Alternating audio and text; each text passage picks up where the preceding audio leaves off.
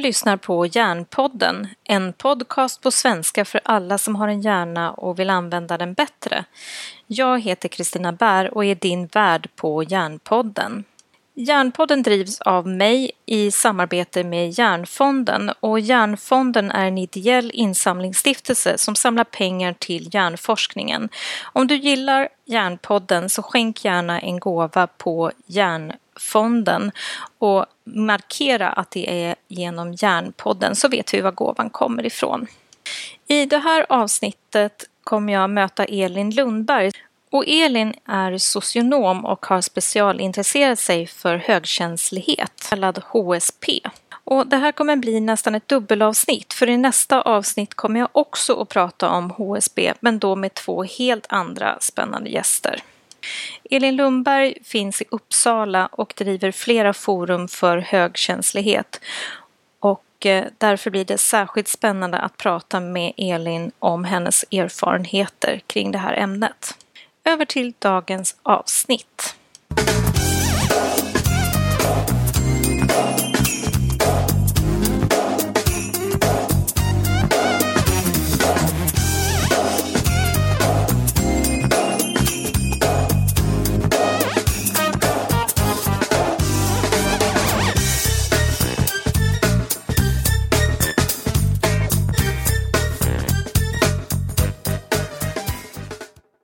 Välkommen till Järnpodden och välkommen Elin. Tack. Eh, berätta, vad har du för bakgrund och var kommer du ifrån? Eh, jag är socionom och familjeterapeut och så vidareutbildar jag mig just nu för att bli legitimerad psykoterapeut eh, inom KBT och, men jag är väldigt intresserad av anknytning och sådana saker också och hjärnan. Jag jobbar som föreläsare och har egna terapi patienter och sen är jag också ett halvtidsjobb i Uppsala kommun på ungdomsmottagning sedan många år. Mm, spännande! Ja, jätteroligt. Ja. Eh, och hur kom det sig att du började intressera dig för högkänslighet? Ja, det var, det var 2010. Då hade jag och min man fått vårt tredje barn som kom med ganska rask takt. Vi fick tre barn med tre och ett halvt års mellanrum. Eh, och jag höll på att googla om liksom, försiktiga barn för äldsta sonen var tre och ett halvt år då. Han var, vi tyckte han var lite annorlunda än vad jag och, och maken var. Han var lite försiktig i nya situationer och sådär. Så att jag googlade och av en slump stötte jag på det här begreppet highly sensitive person. Beställde hem boken från bibblan och sträckläste och så var det som att eh, läsa om mig själv. Det var en otroligt häftig upplevelse. Eh, så jag nästan glömde sonen i det för att jag blev så uppslukad av, att, av den här enorma igenkänningen. Mm. Eh, så. Och efter det så har jag läst på mera och förkovrat mig. Men jag har också börjat jobba med det här eh, med de som jag tar emot på ungdomsmottagning i familjebehandling och i psykoterapi mm. och familjeterapi. För väldigt många av dem som söker stöd eller vård och mår dåligt psykiskt, väldigt många av dem är faktiskt högkänsliga. Mm. Så vågar man bara ställa frågan och vara lite öppen för det så, så um, är chansen som behandlare att man eh, träffar rätt eh, om man vågar fråga mm. om begreppet. Och, och, jag kan ju känna att många av dem som också arbetar med terapi, alltså de yrkesverksamma, de har mm. också en tendens att vara väldigt duktiga i det här, alltså ha den här begåvningen med högkänslighet. Ja, och ja, det tror jag inte är så konstigt för högkänslighet är ju Ehm, en, en, ett biologiskt nedärvt eh, personlighetsdrag som ungefär 20 procent av befolkningen har, 15 till 20 procent. Ehm, och det finns inom, man har sett eh, inom ungefär 100 djurarter.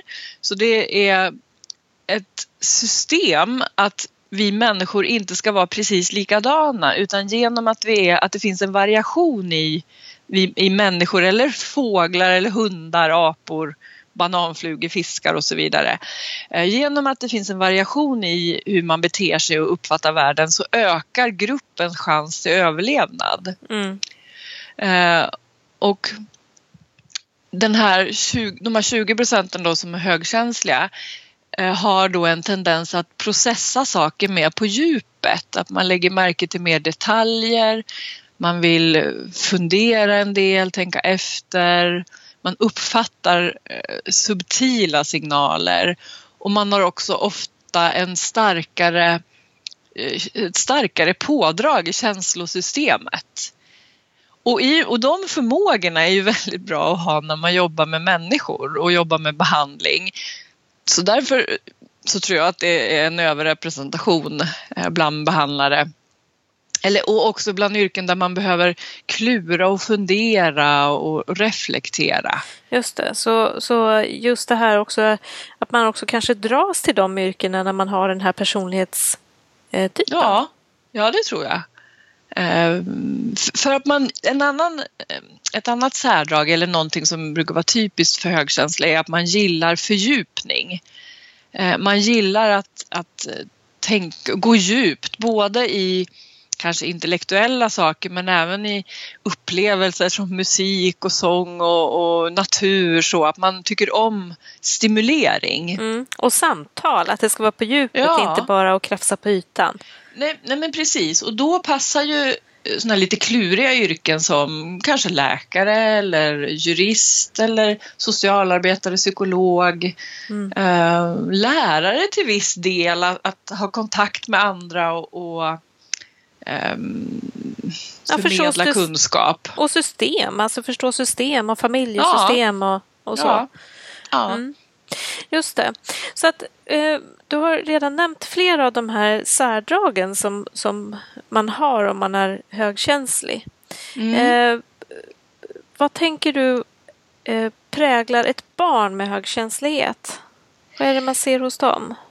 Um, ja, för det första så är det så att man behöver egentligen inte se någonting. Det är ju ingenting som syns. Uh, utan det är ju en, ett inre aktivitet i hjärnan att, att man använder hjärnan på ett lite annorlunda sätt än de flesta andra. Så det är ju inte säkert att man liksom ser det hos sitt barn men om man det sätt som det brukar märkas på är ju dels en avvaktande hållning i nya situationer. Eh, och, och, de flesta barn stannar ju upp, eller alla människor kan man säga har ju en broms som, aktiverar, som liksom slår till så att vi inte rusar ut i gatan eller gör tokiga saker. Så vi har ju alla en broms som ska hejda oss eh, och sen har vi alla ett system som aktiverar oss och för högkänsliga så slår den där bromsen till lite snabbare och det tar lite längre tid innan vi blir aktiverade igen. Så att man är helt enkelt lite avvaktande, ännu mer avvaktande än andra barn inför främlingar, inskolning på förskola, börja skola, gå på idrott, simskola eh, brukar jag ta som ett exempel. Eh, att eh, ett högkänsligt barn kanske nästan inte ens vill ner i vattnet första terminen utan bara vill iaktta och kolla läget. Inte för att man är blyg eller egentligen rädd som ju då många tolkar det som. Mm, exakt. Eh, att oj vilken rädd, oj vilken eh, blyg person. Men det behöver inte vara blyghet utan det är den här um, i någon mening talangen att tänka efter först. Att först processa och sen göra ett försök. Mm.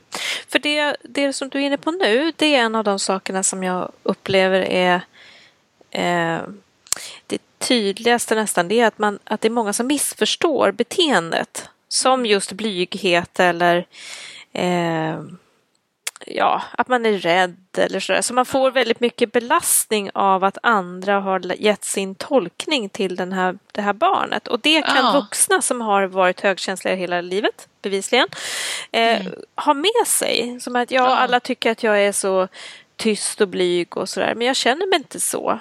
Jag bara Nej. tycker inte om att vara bland folk hela tiden.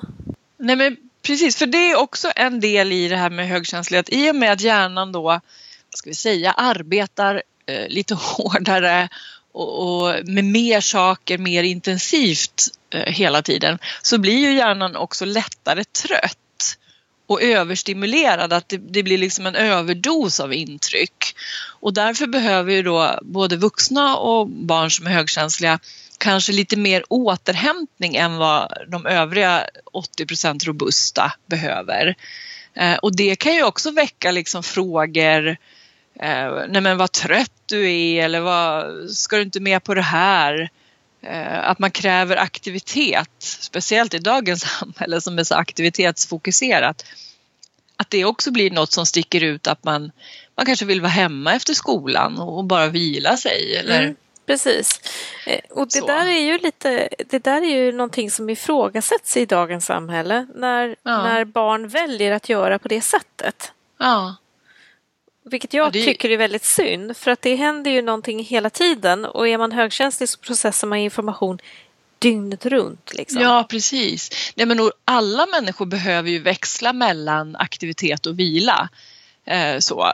Det är ju som ett grundläggande behov för alla men högkänsliga är mer sårbara för att, att det blir för mycket. Uh, och den forskare som jag tycker är viktig att nämna, som har kommit på begreppet men som ju inte, det är ju inget nytt fenomen som man bara har upptäckt nu utan man har ju känt till det här i alla tider. Uh, men hon heter Elaine Aron och, är uh, amerikan. Mm. Att hon kallar det för system overload. Just det. när man blir överstimulerad. Och, och, då är ju, och det kan vi ju alla hamna i, men högkänsliga gör det oftare och kanske lite snabbare och då är man ju inte ett dugg lyhörd och sensitiv och då har man ju ingen förmåga att läsa av situationer eller så utan då, då är det ju bara liksom överlevnad som är det som gäller. Eh, så. Och det samhällstempot vi lever i det har, ja, är ju inte är ju inte riktigt inriktat på den här pendlingen mellan aktivitet och vila. Nej. Eh, utan vi, vi kör lite aktivitet hela dagen och sen surfar vi hemma ända fram till vi släcker lampan. Mm, just det. Och håller på på sociala medier som ungdomarna gör. Ja, och vuxna med mm, för all del. Mm.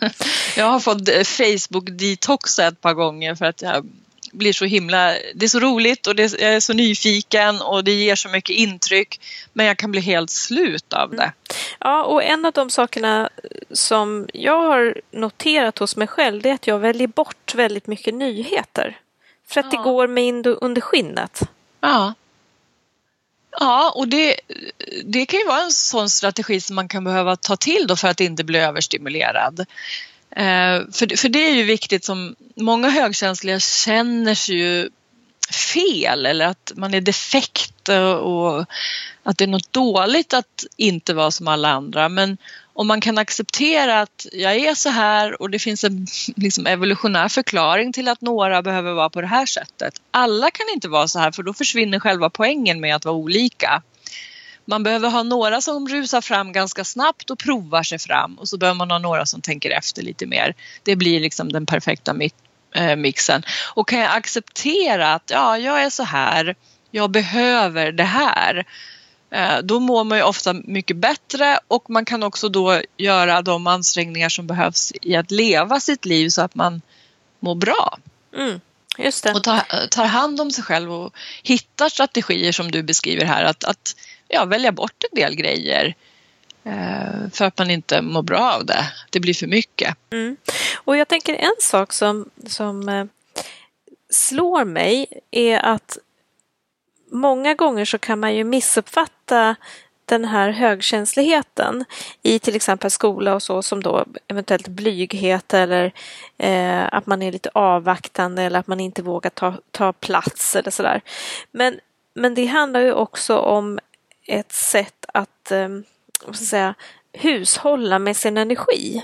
Ja, ja men precis för det, det är ju också ofta är högkänsliga även eh, kroppsligt mera sårbara. Alltså, man är lite känsligare för blodsockerfall, känsligare för att frysa, lite känsligare för smärta. Det har man sett i forskningen att det finns vissa skillnader i hu hur smärttålig man är. Eh, man kanske är mer känslig för törst och då är det ju så att om en högkänslig person ska eh, gå på en sightseeingtur i ett varmt land eh, så kanske den behöver ta med sig en solhatt, lite solkräm, ehm, vatten och vara lite om sig och kring sig för att kunna tillgodose de här behoven. Och även planera in en paus liksom. Medan mer robusta människor kan chansa lite mer och ta det som det kommer. Att ja, ja, blir jag törstig får jag väl köpa en flaska vatten. Och det blir ju väldigt lätt att de då, att det blir normen och så tycker man att högkänsliga då blir kallade för kontrollfreaks liksom. Mm, eller krångliga så. eller sådär. Och krångliga, ja men mm. precis att det oj vad omständigt det blev nu. Men, men det är ju så om den där eh, Eh, regnskuren kommer så, så kommer troligtvis den högkänsliga personen att frysa mer och bli mer påverkad än än mer robusta blir. Så att det finns liksom en anledning till att högkänsliga är mer planerande plus att högkänsliga personer ju har lättare att vara planerande. Det, det säger liksom bara rich i huvudet och så ramlar eh, planeringen på plats. Det är inte så ansträngande. Nej, ja, just det. För, eh, för då tänker jag, det ligger ju också i den här begåvningen att se hela system och hela, eh, få in mer intryck att processa. Ja. ja. Ja, men se helheter och tänka i flera led. Det kan ju alla människor göra men högkänsliga gör det ofta lite lättare och, och kanske lite längre.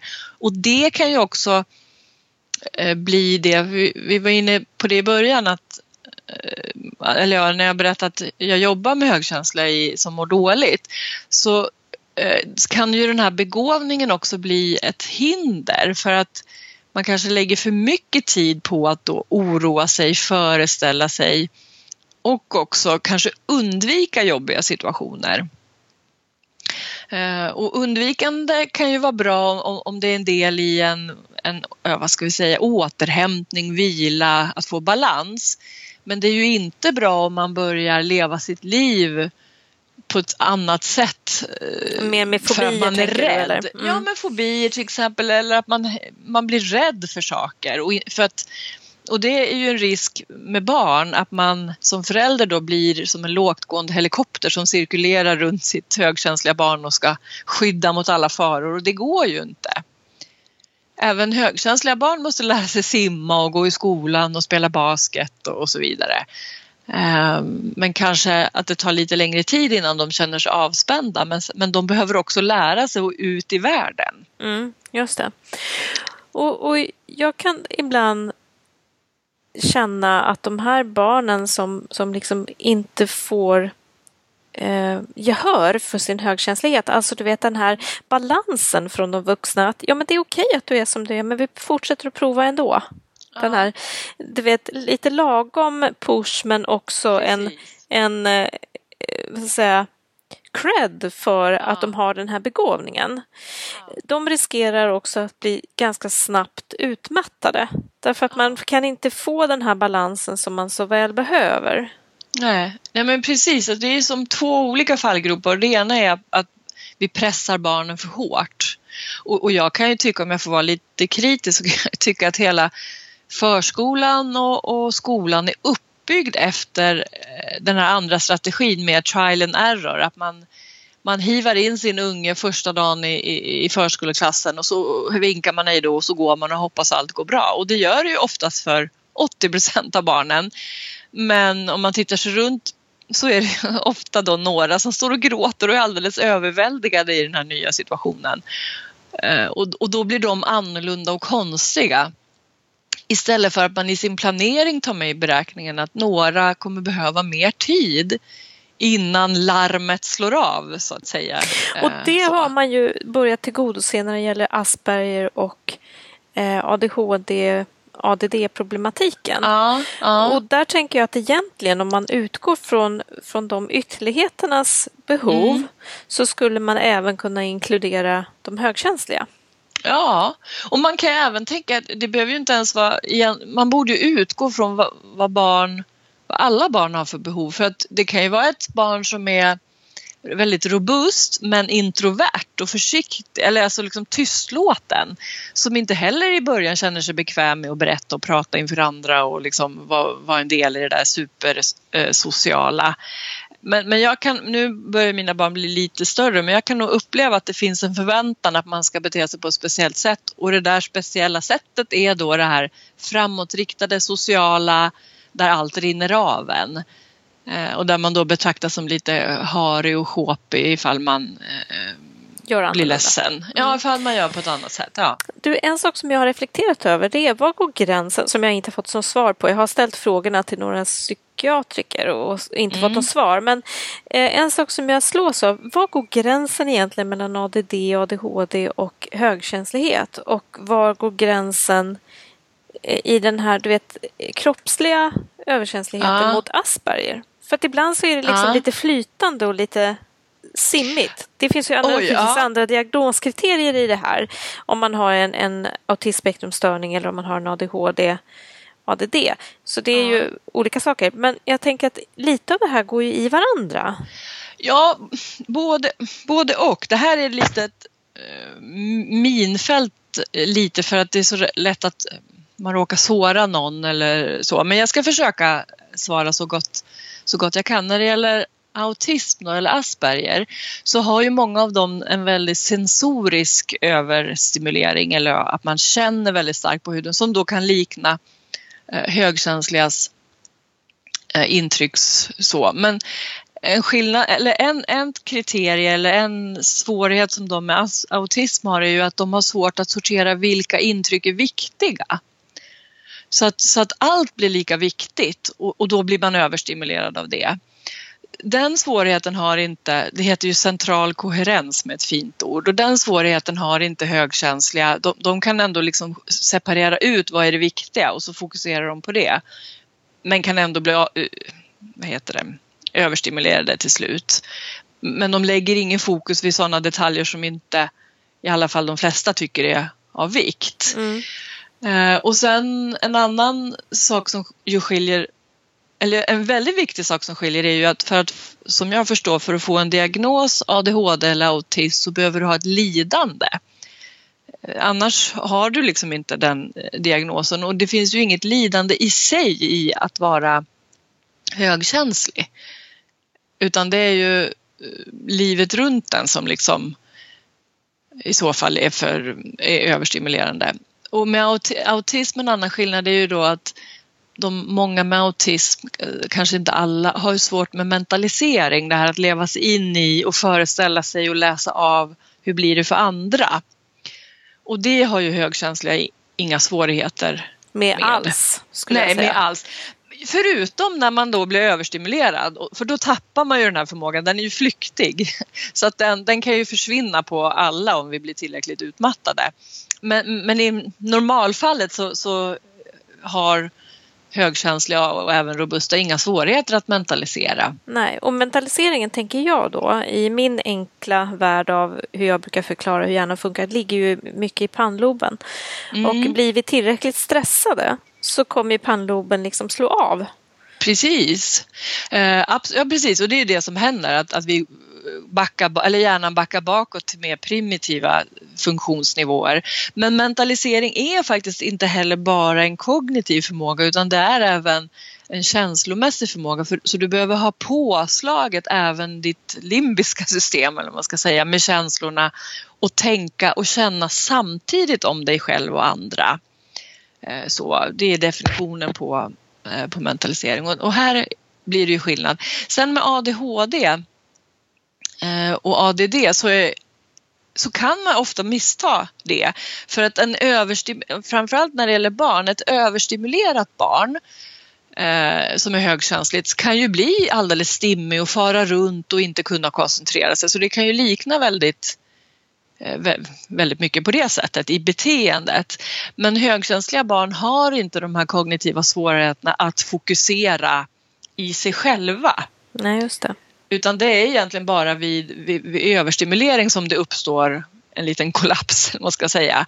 Men i det stora hela så har de samma eller till och med högre förmåga att koncentrera sig än andra och fokusera. Eh, så så att där är det någon skillnad mot eh, ADD och ADHD. Mm. Ja, just det. Ja, men precis. För, för jag kan nog känna att ibland när jag sitter i skolorna och jobbar som skolläkare så kan man få förfrågan på elever som man liksom, den här eleven måste ha en ADHD eller en ADD eller sådär. Men egentligen så känner jag att det mer handlar om en högkänslighet. Därför att det är en ja. elev som är dagdrömmare och som, ja.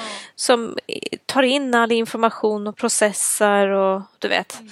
eh, har den, det här förhållningssättet till världen som är väldigt mycket i systemtänk och, ja. och så. Men det blir system overload som Ja. Elaine Aron säger. Ja, Eh, Därför att man inte kan få återhämtningen. precis. Precis. Ja, men jag tycker det är jätteviktigt och roligt att höra eh, om en person som du som både då sprider kunskap men även har med här, en öppenhet för att se det här eh, bland elever och i omgivningen. För min erfarenhet lite grann här i Sverige är att det är ganska dåligt med kunskap om högkänslighet bland professionella. Mm. Och det är ju också därför att man inte säger att det är en diagnos. Ja, Så då är det inte någonting som man lägger särskilt mycket vikt vid. Utan det här är en personlighetsstruktur eller en Precis, personlighetsdrag. Eh, och då tar man inte riktigt hänsyn till det fast man kanske borde det. Ja, i alla fall i de, i de... Ja, dels tror jag att man borde ha kunskapen för att kunna göra lite bättre utredningar när det gäller ADHD och Asperger och sådana saker.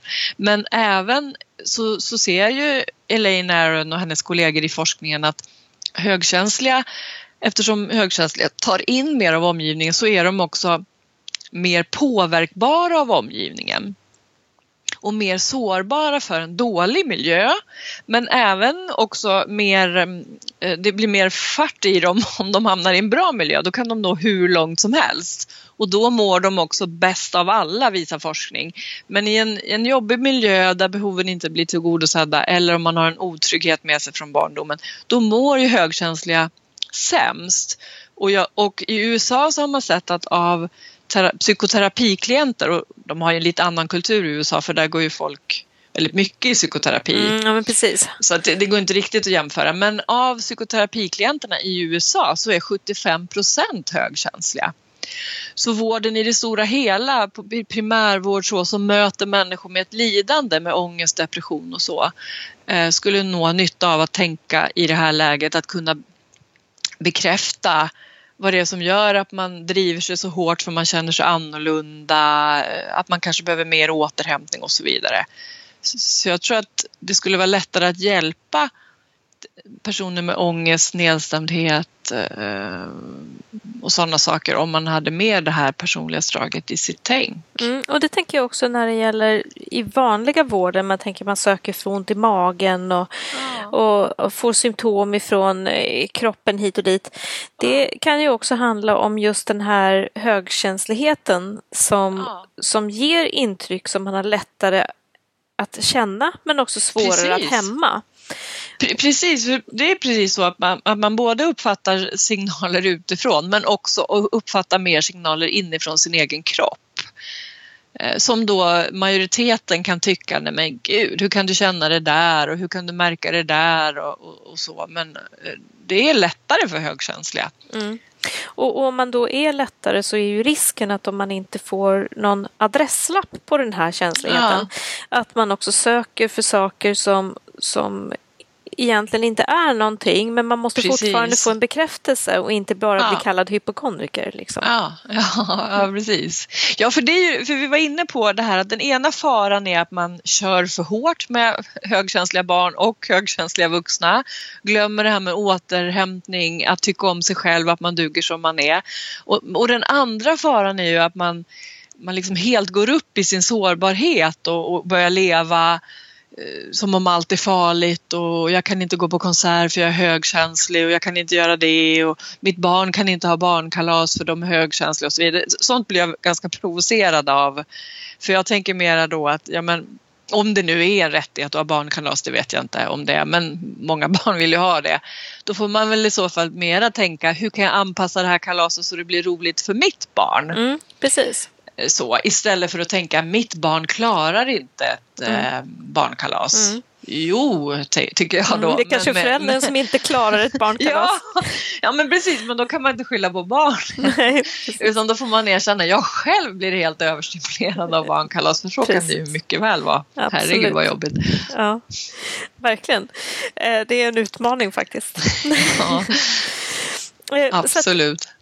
Eh, jag tänker det här är ju en, en stor fråga och det intressanta är ju om vi kan börja eh, införliva att vi har olika personlighetstyper och alla är okej och behövs. Ja, ja. ja, men det är ju en dröm om, om det skulle kunna vara så. Eh, och, och, Eh, det är lite det motståndet som jag möter och jag tror många högkänsliga möter också. När man, om man väljer att berätta att man är högkänslig så får man ju tänka lite för så här, vem berättar jag för? Kan den här personen ta emot det? För, för de som är väldigt robusta kan det ju kännas otroligt främmande. Och, och, och, och känns det främmande så är det väldigt lätt att avfärda. Nej men skärp dig, gud vad du sjåpar, va? Ser du det där, va? Det hörde inte jag och så vidare. Eh, så att om man ska komma ut att man själv är högkänslig eller berätta om att ens barn är det så behöver man ju faktiskt välja lite vem man gör det för. För alla förstår inte och alla vill inte förstå heller. Ja men ofta så blir det ju en lättnad för alla i en familj för rent också evolutionärt så eh, verkar det som att ja, naturen eller vad det nu är som styr eh, verkar fördela högkänslighet lite jämnt i befolkningen så att ofta i en familj så, så är det lite både och. Liksom. Man kanske har ett barn som är högkänsligt och två som inte och så vidare. Och det är ju också evolutionärt smart. Mm. Eh, för att då som grupp ökar chansen att överleva. Men och, så då kan ju både robusta och högkänsliga få en lättnad i att förstå, jaha, man kan vara på det sättet också. Mm, du funkar så. Du funkar så, ja. Och, och, för mig var det här faktiskt, och det låter ju kanske helt bisarrt att jag lyckades gå över 35 år i mitt liv mm. och inte riktigt fatta att andra inte funkar som jag. Men det var ändå en aha-upplevelse när jag, när jag läste den där boken då, den där sommaren och, och, och på något sätt förstod att Nej men gud, det som kommer så himla lätt för mig, vilken som är min eh, duschhandduk, att göra en matshoppinglista, att, att tänka i lite flera led, det är en ansträngning för min man. Mm, han, han tar hellre vilken handduk som helst, det spelar honom ingen roll. Och för mig så strider det lite mot ordningssinnet ja, mot och diverse. De naturlagar som ja. finns nästan. i badrummet. Ja, ja precis. Eh, och logiken och så. För, för, för, mig är det ju inte ansträngande att hålla reda på det. Det här, det här kanske är lite väl banalt exempel men, mm. men ändå. Det här att vi funkar på olika sätt. Vi tar oss an livet på lite olika sätt och båda sätten är okej. Okay. Eh, och kan man förstå det ligger det ju en enorm liksom självläkning och, och kärlek i det att jaha, du funkar så och det är okej okay. och jag funkar så här och det är okej. Okay. Och ibland blir det krock. Eh, och förhoppningsvis med den här kunskapen om sig själv då, så kanske man när det blir krock har lite lättare att skratta åt det i alla fall efteråt. Då, att mm. man en, tänker så en olika. sak jag sitter och tänker på nu när du berättar det, det är ju att, att många gånger kan man ju hamna i läget att man tycker att man tar hand om allting själv. Ja. Eh, och att man liksom hamnar lite i offerkoftan tack vare det. Precis. Jag bara det, tänker på mig själv ja. här som inte var så vacker. Nej, fast du, den, du delar den med mig och många andra högkänsliga och det här är något jag märker i parterapi och även i enskilda terapier att i och med att högkänsliga har så lätt att tänka flera led så tror man också då gärna att andra gör på samma sätt. Och det betyder ju att om en, ens partner till exempel, ja, men om, om ens partner då har glömt att gå ut med soporna så, så är det så pass främmande för den högkänsliga att den då börjar tänka att aha, min partner har tänkt si så, si så och så. Eh, eftersom man själv ju tänker så mycket hela tiden. Men partnern kanske bara helt enkelt inte såg soporna. Eh, och så blir man besviken och det blir konflikter eh, kring det där. Och då, tappar, då hjälper det ju inte att man är högkänslig för då har man ju tappat sin mentaliseringsförmåga att förstå, nej men vänta nu, för mig skulle det vara så här men det kanske inte är så för min partner. Mm, precis. Eh, och det där tänker jag är ju någonting, jag brukar alltid eh, liksom styras av det där att har man sin egen förmåga så ska man bli bekant med sin egen förmåga. Alla har sin egen förmåga och är man bekant mm. med den mm. oavsett om man är högkänslig eller inte mm. så är man bekant med sig själv och förstår sig själv och hur man själv agerar så kan man också bli mycket mer mogen i alla relationer, både på jobbet och hemma. Ja. Eh, och det är det här någonstans som är det roliga med att vara människa. Ja. Ja men och det är ju där vad ska vi säga, befrielsen finns också eller, eller lösningen på, på onödigt lidande för allt lidande kan vi ju inte göra något åt. Men, men en del lidande är ju lite onödigt och, och, det ligger ju precis i det, det här du beskriver att om vi, för, om vi kan förstå ett problem och även eh, lära oss olika strategier att hantera det, ja men då kommer vi att må bättre. Det kommer kännas mer meningsfullt, mer hanterbart, mer begripligt. Så att ofta är ju liksom det första steget att förstå hur funkar jag och sen vad behöver jag göra för att ta hand om det här. Mm.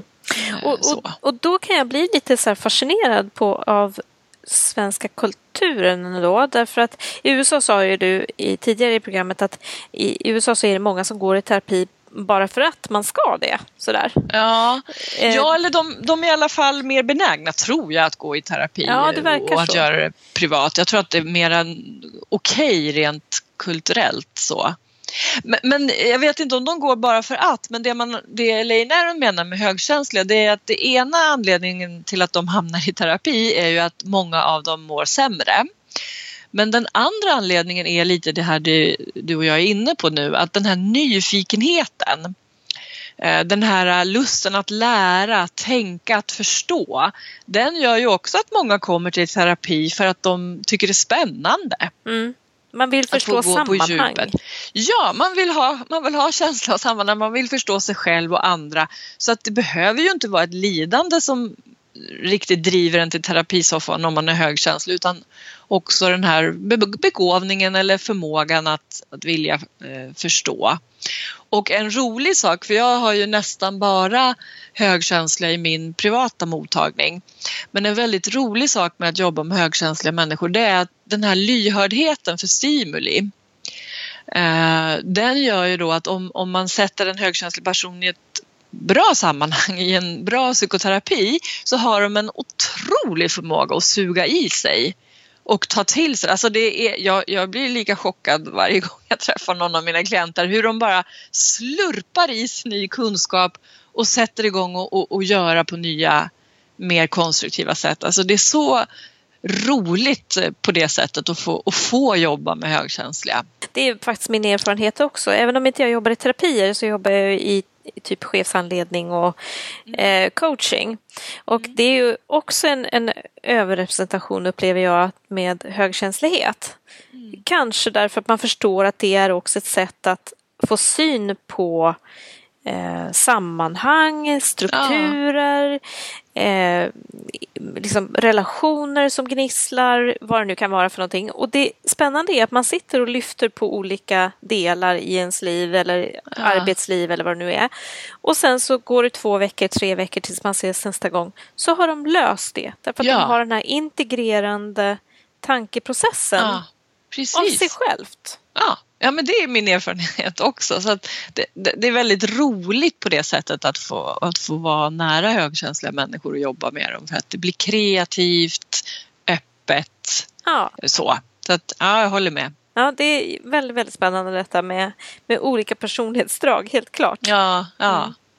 Eh, så om du ska skicka med någonting till eh, människor som är mer nyfikna på högkänslighet, vad skulle det kunna mm. vara? Eh, nej men det är nog och då, för då tror jag så här, de flesta som är nyfikna på högkänslighet är ju de som känner igen sig. Eh, och högkänsliga personer, ofta, inte alltid, men eh, tycker ju om fördjupning och kanske att läsa och så. Så det jag tycker man ska börja med är att läsa eh, Elaine Arons liksom, grundbok som heter Den högkänsliga människan. Jag tycker man ska gå direkt på källan. Det finns andra eh, helt okej okay böcker också.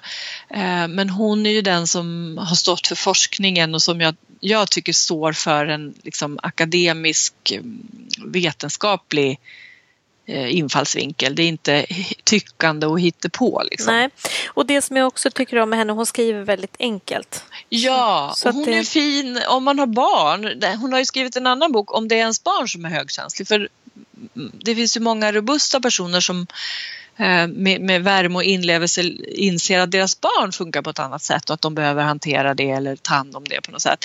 Och då kan man nästan hellre läsa eh, Det högkänsliga barnet av, av henne Och den är så bra tycker jag så man kan läsa den även om man bara har robusta barn. För att hon har sån fin eh, människosyn och sån positiv eh, syn på att vara människa. Så att den är bra för alla kan jag tycka. Mm. Och den tycker jag skulle jag också vilja rekommendera till alla som arbetar i skolan. Ja, ja. Därför att, och på förskolor och så, därför att den ja. har ju också en, eh, precis som du säger, den här synen på barnet, barnsynen, ja. som jag tycker behöver prägla eh, det vi gör. Ja. ja men jag, är helt, jag är helt överens och hon är ju också Ehm, använder ju mycket, eller hon sätter in högkänsligheten också i det här miljösammanhanget. Vad har vi med oss utifrån anknytning och så? För att vi föds med en högkänslig eller en robust hjärna eller något mitt, där mittemellan. Det är de inte helt överens om i forskningen om det är en separat kategori eller om det är en glidande skala. Men i alla fall, vi föds med den hjärna vi har men sen utvecklas ju hjärnan väldigt, väldigt mycket beroende på den miljö vi är i. Mm, I samspel. I samspel, i relationer, i upplevelser, intryck, trygghet, värme, kärlek och så vidare. Och hon har med båda perspektiven. Och det tycker jag väldigt mycket om, att, man, att hon lyckas integrera det. Just det. Jag intervjuade Ulrika Odén som är professor och neonatolog ganska nyligen om just det här med interaktionen mellan spädbarnet och eh, de vuxna, den vuxna. Eh, och också vad som händer när man tappar den anknytningen som pågår. Eh, under småbarnsåren och hur det sen blir senare i livet. Så det, om man är mm. intresserad kan man eh, ta en liten lyssning på Ulrika också för hon eh, var väldigt bra i det, i det programmet också. Som hör ihop mm. med det här tänker jag. Absolut, ja mm. det gör det. Det hänger ju ihop jättemycket. Eh, och själva högkänsligheten kan vi ju inte operera bort eller medicinera bort eller något sånt. Men vi kan utvecklas när det gäller övriga hjärnans utformning. Eh, hur, vi använder, hur lätt vi tappar eh, de här tänkande delarna längst fram i hjärnan och så. Så det är påverkbart och finns alltid en möjlighet att, att må bättre i och med att det är förändringsbart. Precis. Den underbara plasticiteten hos oss ja. människor. Verkligen. Ja, helt underbart. Du Elin, tack snälla för att du har eh, bidragit med din tid och din kunskap i Järnpodden. Tack själv, det var jätteroligt. Ja, om man vill få tag i dig, hur gör man då? Eh, då kan man, man, enklast är att man går in på min hemsida elinlundberg.nu mm. eh, och så finns jag på Facebook också eh, och där heter Elin Lundberg utbildning och psykoterapi. Mm, jättebra och jag lägger en länk till din hemsida i, på programmet så att man ja. kan lätt klicka sig dit om man skulle vilja få tag i dig i något sammanhang. Ja. Jättefint. Tusen tack. Tackar. Hej. Hej då. Du har lyssnat på det 61 avsnittet av Järnpodden och intervjun var med Elin Lundberg som finns fysiskt i Uppsala och arbetar där med psykoterapi och på ungdomsmottagning. Vill du få tag i mig efter programmet så gör du det lättast genom att mejla till kontakt jarnpodden.se. Titta gärna in på Järnfondens hemsida och lämna ett bidrag Eh, och märk din gåva med Järnpodden. Vi hörs snart igen i Järnpodden.